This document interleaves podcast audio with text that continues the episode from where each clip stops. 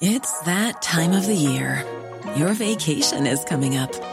You can already hear the beach waves, feel the warm breeze, relax, and think about work.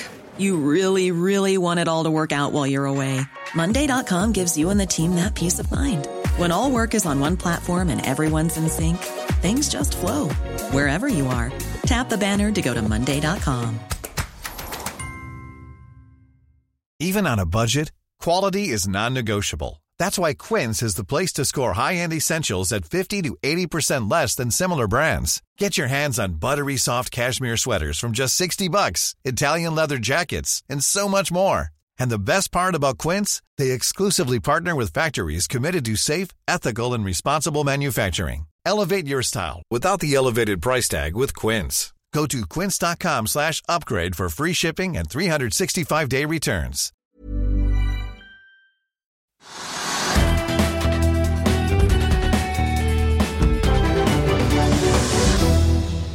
Velkommen til Økonominyhetene. Det er blitt onsdag 11. mai. Oslo Børs fortsetter opp 1,3 i dag, og Kongsberg-aksjonærene slikker sårene med en oppgang på litt over halvannen prosent etter gårsdagens brutale fall på hele 19 det verste fallet i aksjens historie. Det blir mer om det straks, og i dagens sending skal vi også høre fra Widerøe-sjefen, som er ute med månedlige trafikktall for aller første gang. Sikter han nå mot børs, siden han plutselig har begynt å løfte litt på sløret? Og hvor stor er egentlig reiselysten? Reiselysten til Nord-Norge i år, nå som eh, pandemien stort sett er over for oss her i eh, Nord-Europa i hvert fall. Vi får også besøk av investor Morten Astrup, som bl.a. forteller om hvorfor han satser på frakt av biler med en skyr containerfrakt. Og vi får også plass til dagens aksjetips. Men først la oss ta en titt på markedet akkurat nå.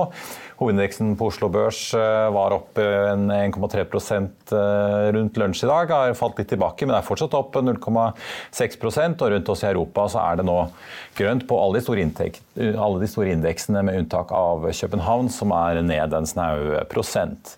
Wall Street endte jo blandet i går, eh, med Dow Jones ned 0,3, mens Nasdaq steg en prosent omtrent. SMP 500 endte opp en kvart prosent. Og nå en times tid før åpningen så er futuresene fortsatt i pluss, som tyder på at vi da kan få en oppgang etter eh, noen av de brutale fallene vi har sett de siste dagene. Nordsjøoljen ligger på 106 dollar og 20 cent i spotmarkedet akkurat nå. Det er en oppgang på 5 fra i går. Den amerikanske lettoljen METI ligger på 103,60. Og så eh, tenkte jeg vi må prøve å få med oss eh, disse inflasjonstallene i USA, som endte sterkere enn ventet. Den var jo på 8,5% i mars og var ventet nå 8,1 for april, ifølge CNBC. Altså at vi hadde toppet ut eh, i den inflasjonskrisen vi har sett. I forrige uke så økte jo den amerikanske sentralbanken styringsrenten som ventet, med 0,5 prosentpoeng. og Flere slike økninger er i vente, skal vi tro den amerikanske sentralbanksjefen Jerome Powell, som likevel hintet om at noen økninger på noe mer enn 0,5 prosentpoeng av gangen ikke var i eh, vente. Og da kan vi jo bare få med da, kjapt at uh, inflasjonen endte på 0,6% på månedsbasis. Det betyr en oppgang på 8,3 uh, på årsbasis. Litt under mars, men likevel mer enn ventet. CM Offshore er en av dagens store vinnere. Aksjen har vært opp 28% på det meste i dag. Nå ligger den opp en 18 Tirsdag ettermiddag ble det jo kjent at Arne Blystads Songa Capital har kjøpt 10,9 millioner aksjer i CM Offshore. Etter denne transaksjonen så har Songa Capital eh, litt over 14 millioner aksjer, noe som tilsvarer da en eierandel på 6% Hydrogenselskapet Nell er opp 4,5 i dag. De har sluppet tallene for første kvartal. Der økte inntektene med 36% til 213 millioner.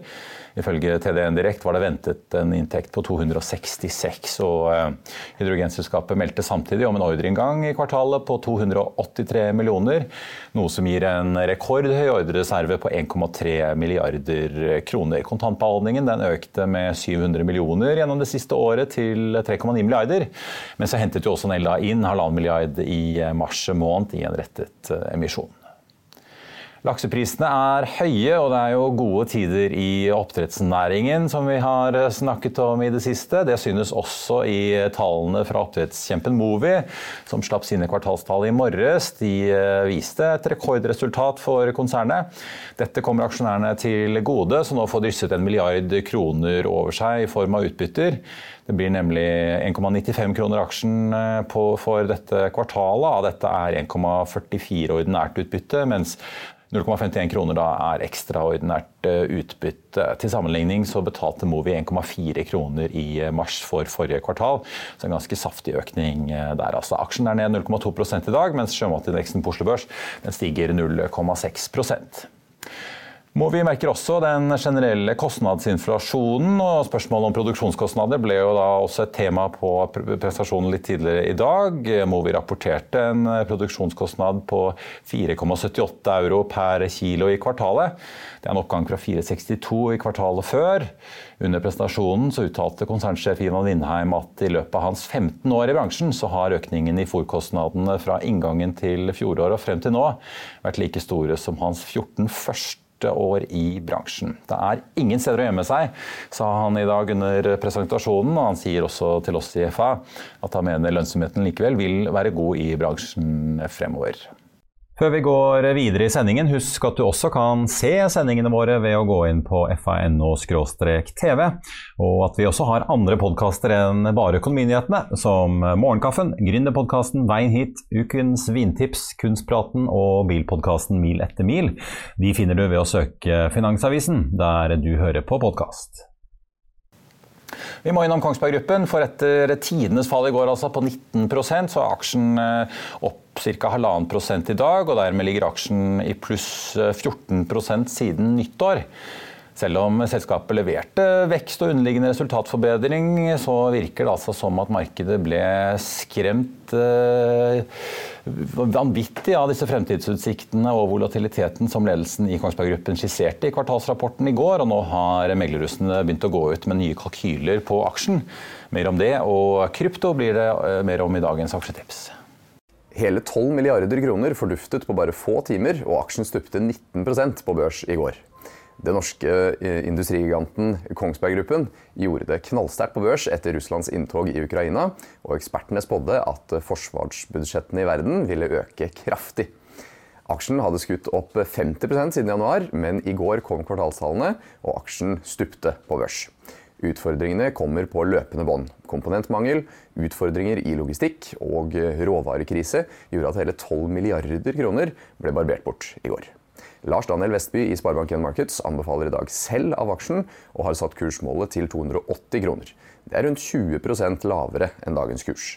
Pareto ser imidlertid på børskrakket som en stor kjøpsmulighet, og hever til kjøp og ser 15% oppside. 90% av kryptoprosjektene kommer til å falle 90% i verdi. Det sier Torbjørn Bull Jensen, toppsjef i kryptoselskapet Arcane Crypto. Kryptomarkedet blir nå dratt ned i dragsuget av den globale børsuroen. Bitcoin har falt hele 55% siden november, og Jensen sier at han ikke blir overrasket hvis han ser bitcoin på 20 000 dollar i løpet av året. Det vi er vitne til nå, er nok starten på en vårrengjøring. Med jevne mellomrom så har man hatt disse brutale bear-markedene, og da har de prosjektene som ikke har klart å levere, blitt vaska ut. Jensen han understreker at dette ikke betyr at uh, ikke krypto-NFT har kommet for å bli, men han sier at tidevannet det har løftet alle båter, og nå går det nedover. Vi har hatt en hype-periode for både krypto og NFT, og der kommer 90% av prosjektene til å falle 90% i verdi, er hans ord. Bull Jensen er imidlertid ikke noe mindre bull på krypto, tross nedturen. Hvis bitcoin går mot tilnærma null, kommer jeg til å kjøpe alt. Det er nok investorer med dypere lommer som, eh, som kommer til å kjøpe først, men eh, hvor det gulvet er, det vet man ikke, sier Bull Jensen. Bitcoin-kursen ligger nå like over 30 000 dollar per mynt. Ethereum like under 2300, og XRP handles til 0,50 dollar. Så skal vi ta med et par andre kvartalstall. I første kvartal fikk Flex LNG et resultat på 55,8 millioner dollar. Etter at rederiet omsatte for 74,6 millioner. Resultatet i årets tre første måneder ble dratt kraftig i været med en gevinst på derivater på nesten 32 millioner dollar. LNG-markedet var langt svakere i første kvartal enn i fjerde kvartal i fjor. Flex LNG leverer likevel sterke tall, takket være at store deler av flåten går på attraktive langtidskontrakter. Og Flex-aksjen er ned nesten 6% på Oslo Børs i dag. Photocure fikk et resultat for skatt på minus 27 millioner kroner mot et overskudd på 20 millioner i samme periode i fjor. Omsetningen endte på 82 millioner, 6 millioner lavere da enn samme periode i fjor. og Den aksjen faller litt over 4 nå skal vi over til Widerøe, som nå gjør som SAS, Norwegian og Flyr og så mange andre. De skal nemlig publisere månedlige trafikktall som gir oss et uh, jevnlig innblikk i driften. Og de begynner i dag med apriltallene. Widerøe-sjefen var innom her for å fortelle litt om hvordan det går litt tidligere i dag. Bare se her. Stein Nilsen, administrerende direktør i Widerøe. Nå er dere ute med deres aller første trafikkrapport, som jo så mange andre flyselskaper offentliggjør eh, hver måned. Er dette tegn på at dere kanskje snuser på en uh, mulig børsnotering en gang i fremtiden?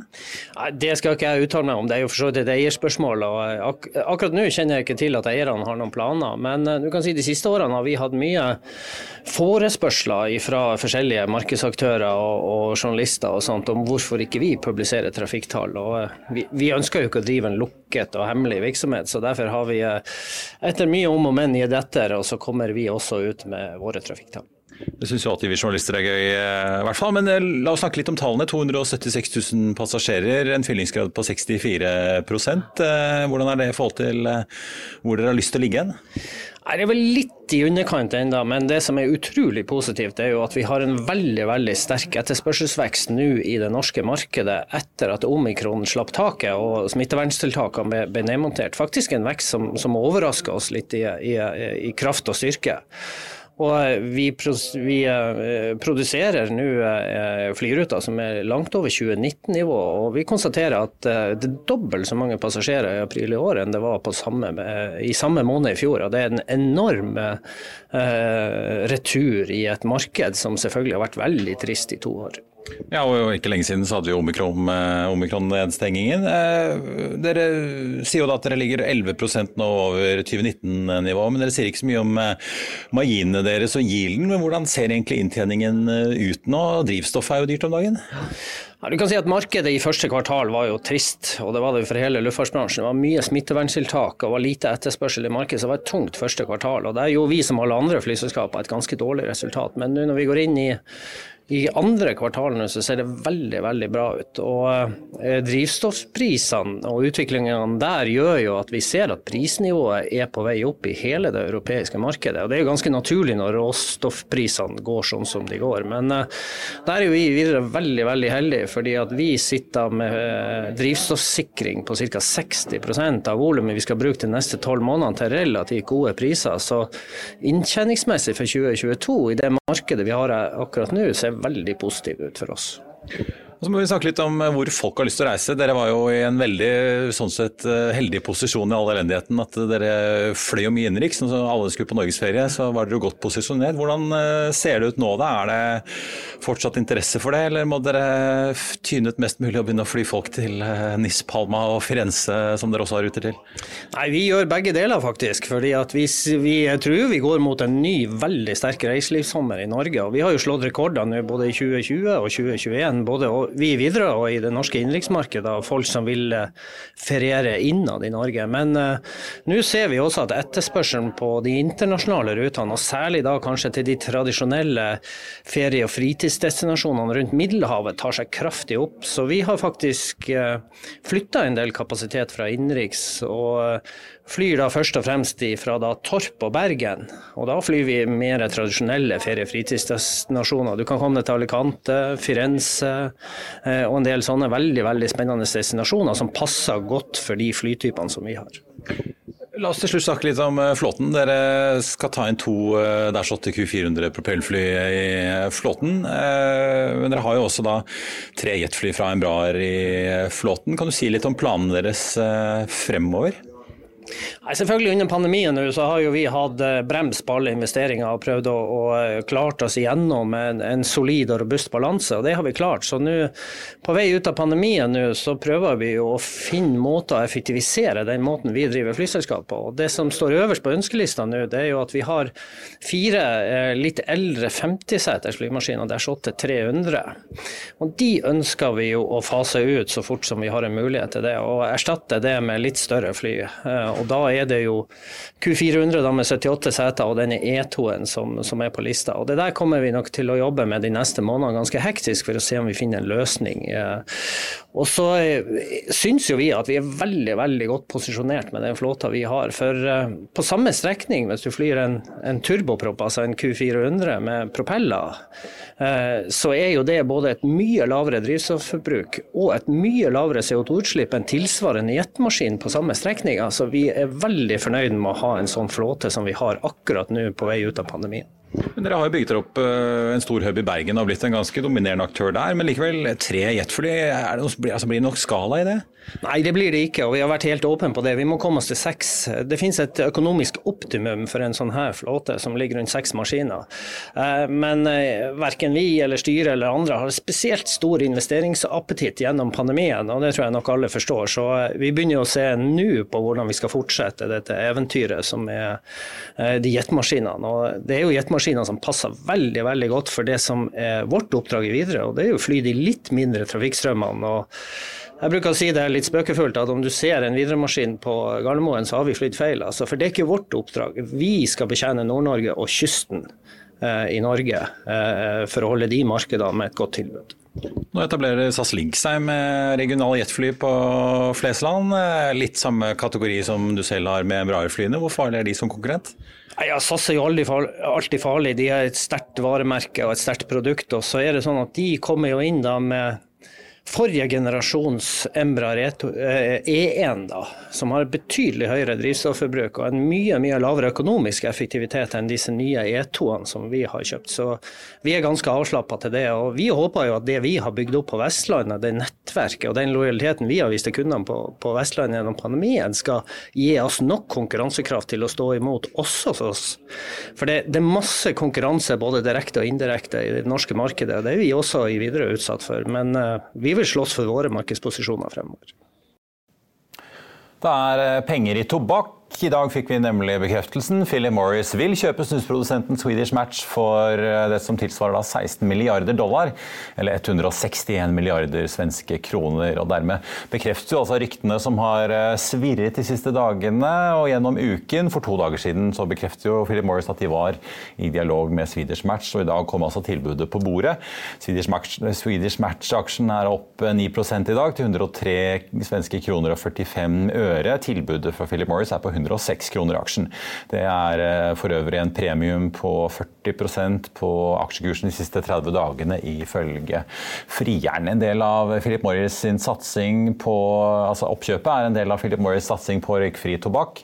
Sigaretter representerer ikke fremtiden deres, skriver selskapet, og legger til at de siden 2008 har investert 9 milliarder dollar i utviklingen av slike, altså ulike røykfrie produkter.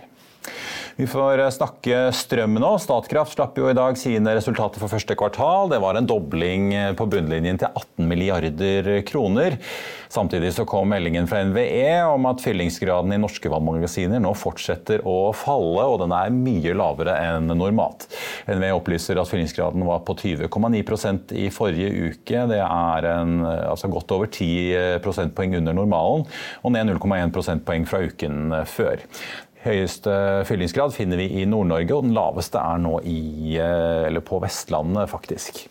I tillegg, eh, når vi først er inne på strøm, så la regjeringen i dag frem nye mål for havvind. De vil nå tildele konsesjoner for installert kapasitet på 30 gigawatt eh, fra, altså innen 2040 og åpner fortsatt for å utrede hybridkabler. Denne kapasiteten kan fort gi en eh, produksjon på 120 TWh i året, ifølge E24. Det er ikke langt unna Norges eh, produksjon eh, hvert år, som ligger på rundt 140.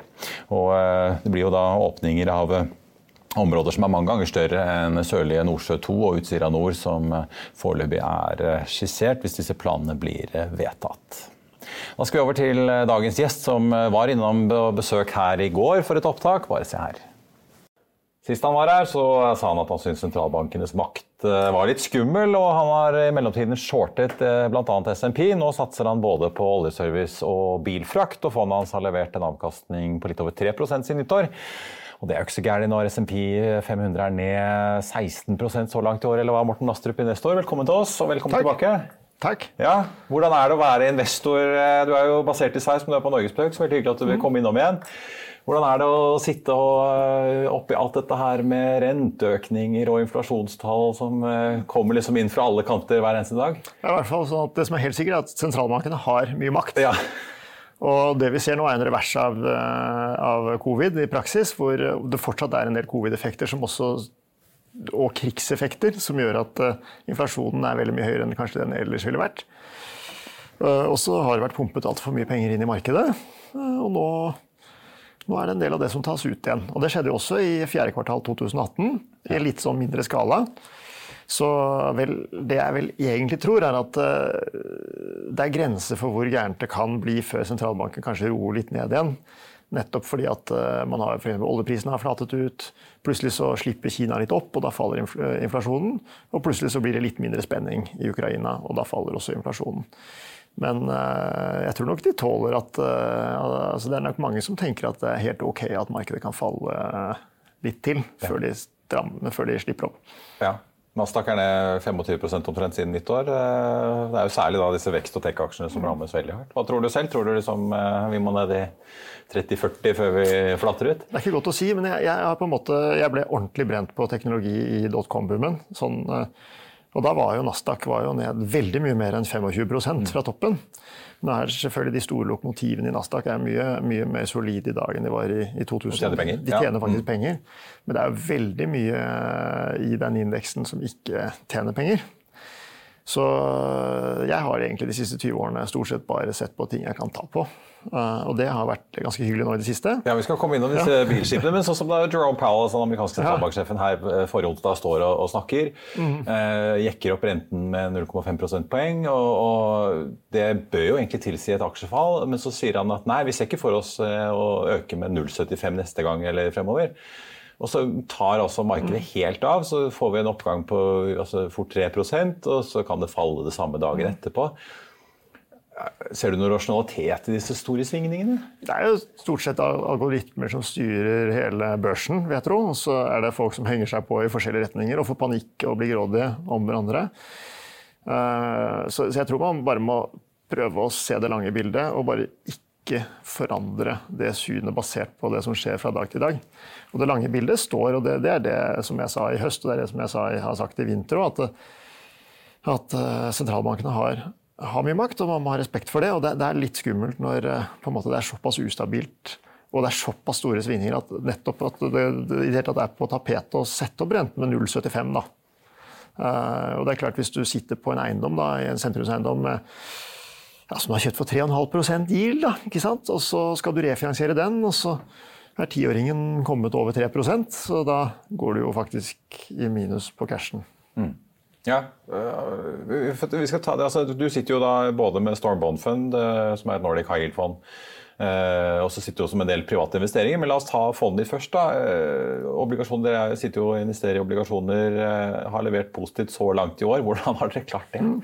det Egentlig er det, er det bare renteinntektene som gjør at det går i pluss? Ja, altså Vi har vært veldig klare de siste årene på at vi, tar ikke, vi har vært veldig forsiktige med å ta renterisiko. Vi har tatt selskapskredittrisiko. Um, og så har uh, har vi vært helt ute av svensk eiendom. Uh, for at det er ekstremt mange kreative strukturer.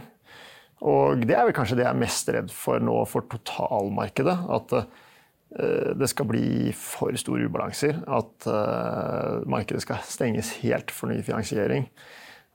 Fordi at det er såpass store selskaper som får problemer. da.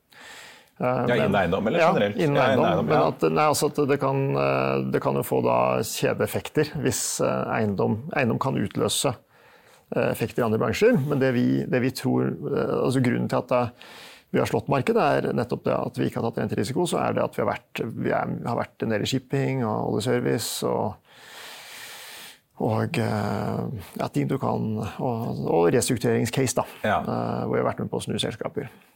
Men uh, hvis vi bare tar det eiendom først. Uh, I Sverige er det jo mange av disse selskapene eier hverandre. Mange av de er børsnotert. Uh, er Sverige spesielt, eller frykter du at det kan smitte over til Norge? Nå er ikke, har vi ikke en så stor børsnotert sektor i Norge på eiendomssiden, riktignok, men det slår jo fort ut i realøkonomien. Ja. Jeg tror jo Sverige er mye mer aggressivt enn Norge generelt. Og så tror jeg Norden, Norden er mer aggressivt enn f.eks. Sveits, som jeg ser. Altså, kan, I Sveits kan du i praksis ikke Det er nesten umulig å refinansiere før det har gått ti år. Eh, du skal betale avdrag og ja. ja. Du skal tåle en rente som er veldig mye høyere. Altså, jeg investerte i et boligprosjekt i Sveits, og for så vidt renten er behagelig 0,98 akkurat nå, men, men, men, banken har tatt høyde for at vi må betale 5% rente. Og eh, ti, ti, år etter at det er bygget ferdig, så kan de begynne å snakke om å refinansiere. Og det er normen. Du kan kanskje klare å jobbe deg rundt det når du får en viss størrelse, men, men Eh, jeg tror ikke det blir noen bankkrise av det der. Men eh, det jeg ser i Sverige, det, det er skummelt. Ja. Ellers fordi de ikke tåler, altså, bare at de ikke tåler renteoppgang? Ja, at det, på en måte man har, det som er litt interessant, da, man har jo sett på eiendom som eh, altså man, ser, man, må dele opp i lavgild og høygild-eiendom. Jeg investerte i industrieiendom gjennom KMC Properties, som er notert på Oslo Børs. og Der er gilden typisk sånn 6-7 Eh, det betyr at med 60 belåningsgrad så, så, tåler man opp mot 10 rente. Igjen da, tilbake til eksempelet hvis du har kjøpt sentrumseiendom, og renten plutselig er at uh, altså basisrent, pengemarkedsswap-renten er over 3% ja, da er det litt vanskelig å, å, å tjene penger på noe med 3-4% til. Og da skal inflasjonen betyr mindre enn renteoppgangen. Og Det er derfor veldig mange ble rike på eiendom. Altså, de siste 30 årene er det mange som har blitt rike på eiendom pga. at det har gått andre veien. Mm. Ikke sant? Um, når det er sagt, så er det så mange bevegelige deler nå i økonomien at det er helt umulig å forutse uh, hva som skjer neste år. Men jeg vil tro, altså hvis jeg skal sette en knapp på noe, så er det at uh, inflasjonen vil roe seg, for at nå er det så mange prosjekter som stopper samtidig. Uh, og at spenningen i Ukraina mest sannsynlig vil roe seg. At man, verden vil ikke begynne å handle noe særlig med Russland, men verden vil begynne å handle med Ukraina etter hvert. Uh, også, man finner alternative ja. leveransesteder hvis det ikke går. Ja. Og så er det klart at uh, covid-19 uh, de Det er grenser for hvor lenge de kan holde på med covid-19 i, i, Kina. Så, så hva, hva, jeg ville gjort hvis jeg var president i Kina nå, det vet jeg ikke. Men, men jeg tror kanskje jeg ville begynt med tvangsvaksinering av vestlige vaksiner for da burde det ikke gitt problemet. Ja. Og slipper folk ut av leilighetsbyggene ja. sine. Men vi ser jo nå altså, toppsjefer i alt fra Equinor, eh, Telenor, eh, Kongsberg Gruppen som slapp ta denne uken. Alle står og snakker om at eh, kostnadene er på vei oppover. De merker de leveranser. De blir jo selvfølgelig da spurt om de kan øke prisene sine. Mm. Hvordan leser du det nå som skjer? Er det sånn, ja, Du tror at mange ting vil bli satt, lagt på is og utsatt av nybygginger av prosjekter? Ja, og det så man også i 2000 for så vidt. Eh, når på en måte først så kollapset av teknologi, og så, og så etter hvert så, så kollapset ikke, så, så, så, datt også realøkonomien. Eh, nå er det igjen så mye sentralbankene kan gjøre og har gjort at eh, det er litt vanskelig å se hvor det er. Men akkurat nå så er det sånn at de som tjener på alle disse problemene, er shippingselskapene. Og det er de som har øh, båter på vannet, og, øh, også, og, som har rigger som de allerede har bygget. Øh, og som ikke har masse Eller som har, bygger til faste priser med sterke motparter. Og det, er, det siste er ekstremt viktig. Mm. Så at, at, markedet blir veldig binært fremover, det tror jeg. At altså fordi at det, er, det, det, det blir to kategorier, da, også innenfor de bransjene som jeg tror på. så er det ene kategorien er de som har fikset prisene til gode motparter, og den andre er de som ikke har gjort det. Og resultatet blir da helt forskjellig. Ja, la oss snakke litt shipping. Altså, du er ikke fan av container lenger. Det, jo, det, er jo en bransje som har gått som en kule, mm. i hvert fall hvis man har lest regnskapet til Mersk bl.a. Uh, men nå tror man på bilfrakt. Mm. Uh, ta litt hvorfor den ene og ikke den andre. Mm. Vi har jo sett nylig at du har gått inn med, med Gram Car Carrier og, um, og, og Stensland mm. i dette Global Auto Carriers, hvor dere bestiller i hvert fall fire nye skip ja. på bilfrakt til å begynne med. Ja.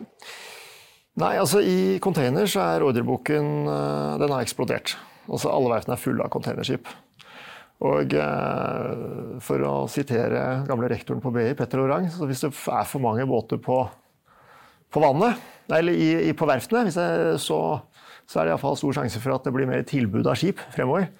Uh, og uten å egentlig ta stilling til alt dette andre som, kan, som, er litt vanskelig å forstå, så tror jeg da etterspørsel, altså balansen blir dårligere. Mens i bilskip så har det ikke vært bestilt omtrent et eneste skip på ti år. Så, og, og verftene er fulle av containerskip, så at, uh, da er det litt vanskelig å få bygget flere bilskip fort nok. Da.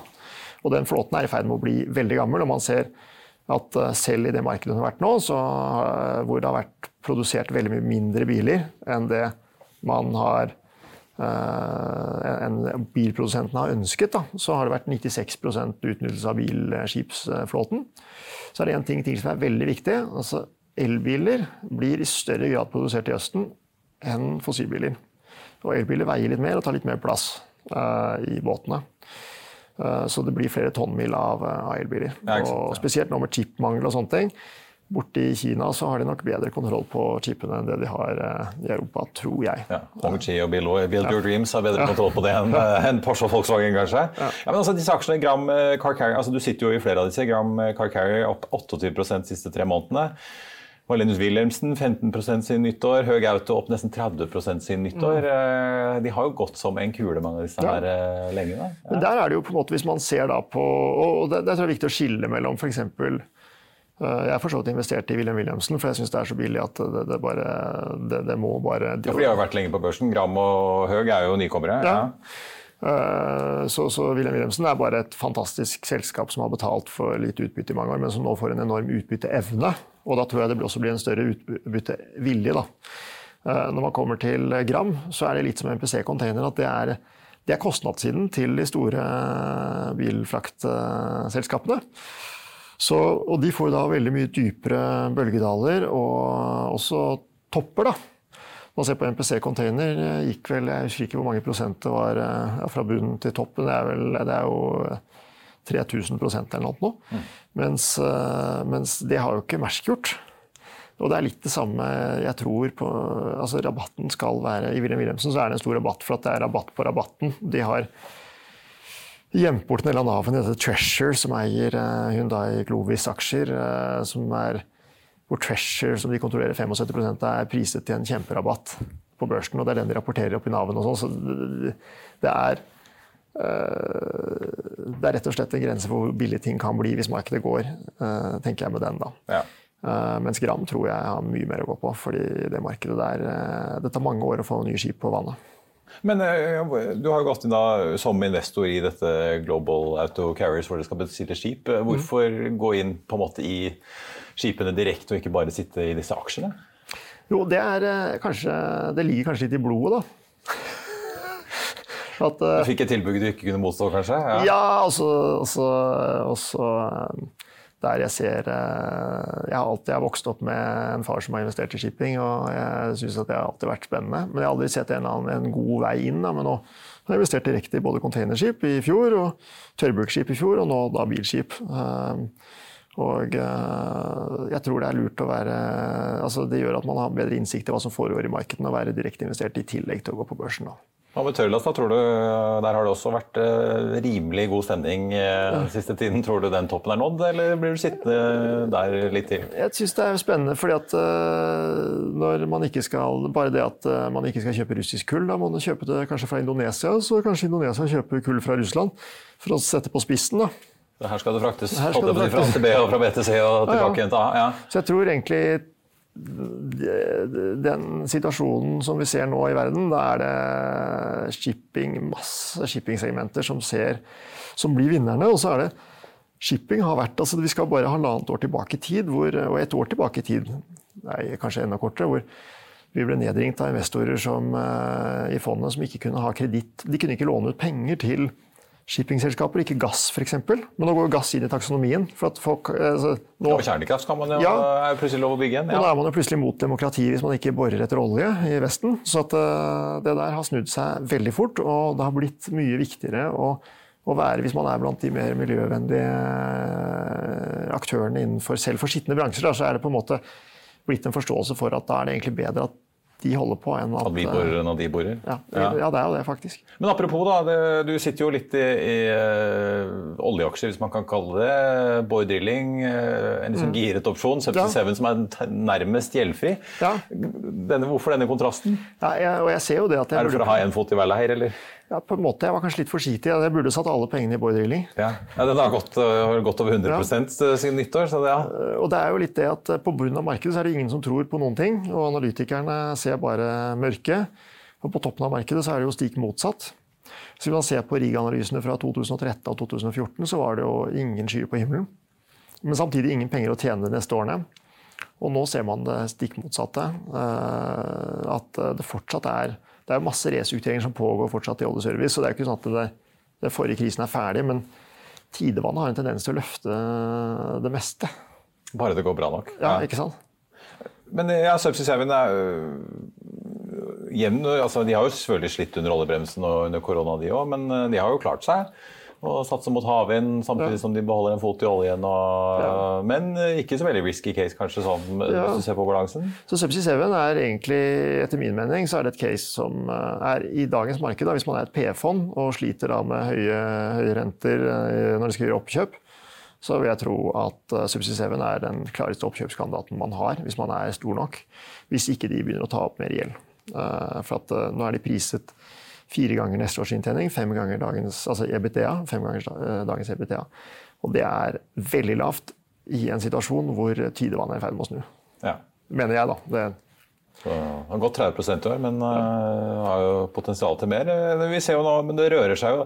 Ser du et sånt ja, ordentlig taktskifte innen olje og gass? Nå snakket jo om at uh, børsnoteringen av Able er tatt opp igjen av skuffen. så Jeg vet ikke om du har blitt ringt om den og spurt om du vil delta, men uh, vi ser jo at en del Aksjelutions og Teknip driver og kjøper tilbake gjeld. Able skal kanskje på børs. Er det, er det et ordentlig taktskifte, eller er det ja, det skjer noe, men det tar litt tid. For det, det, er så mange som Spesielt taksonomien da, gjør at det er så veldig mange mandater som ikke er skrudd opp for å investere i olje og gass.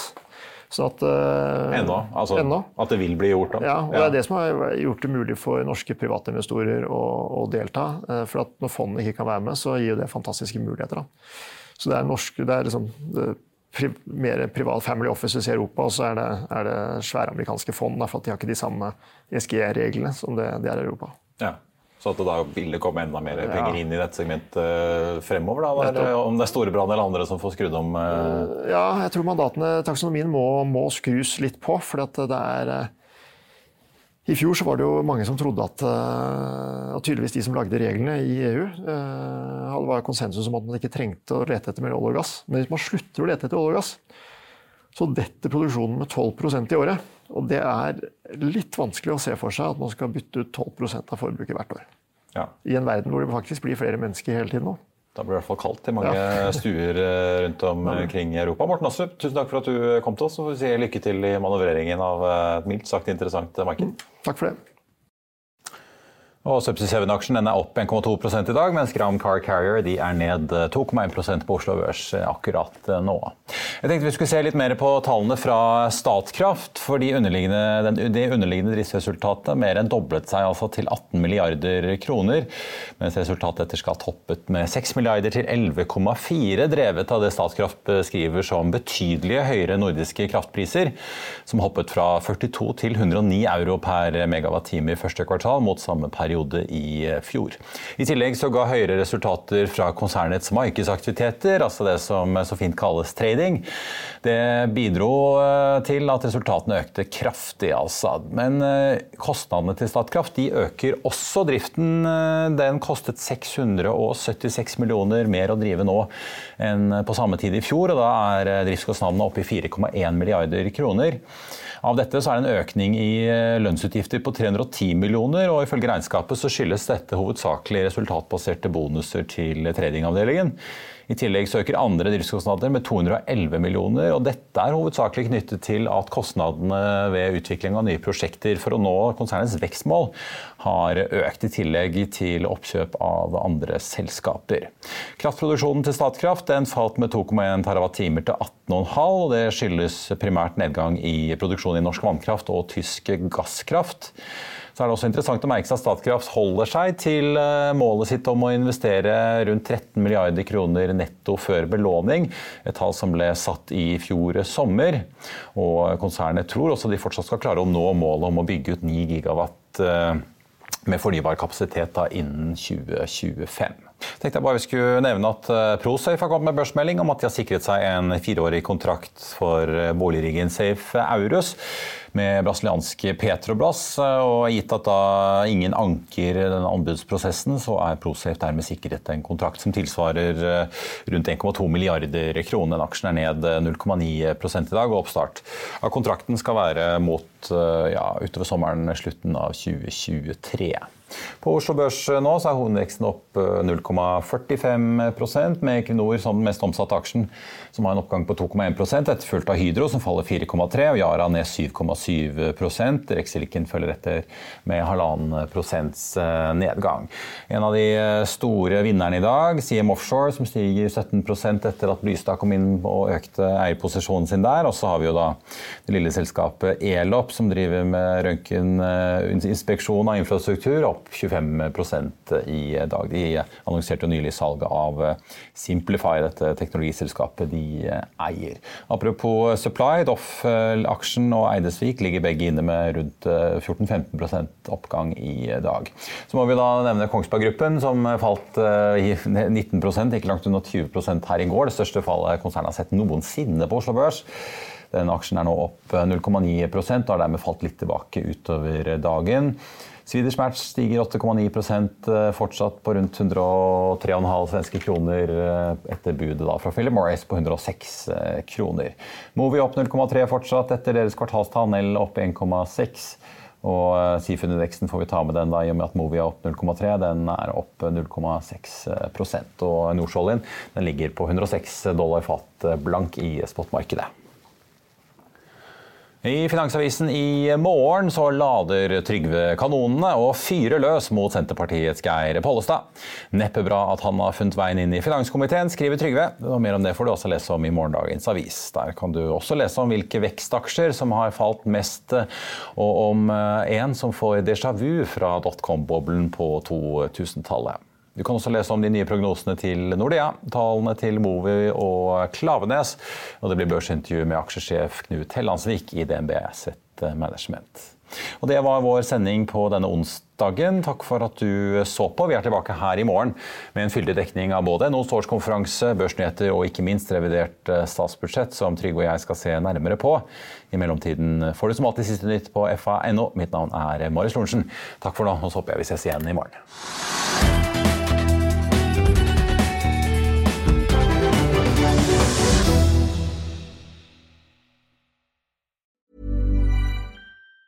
Hi, I'm Daniel, founder of Pretty Litter. Did you know cats tend to hide symptoms of sickness and pain? I learned this the hard way after losing my cat, Gingy. So I created Pretty Litter, a health monitoring litter that helps detect early signs of illness by changing colors, saving you money and potentially your cat's life. Pretty Litter is veterinarian developed, and it's the easiest way to keep tabs on your fur baby's health right at home. Go to prettylitter.com and use code ACAST for 20% off your first order and a free cat toy. Terms and conditions apply. See site for details. Økonominyhetene er en podkast fra Finansavisen. Programledere er Marius Lorentzen, Stein Ove Haugen og Benedikte Storm Bamvik. Produsenter er Lars Brenden Skram og Bashar Johar. Og ansvarlig redaktør er Trygve Hegnar.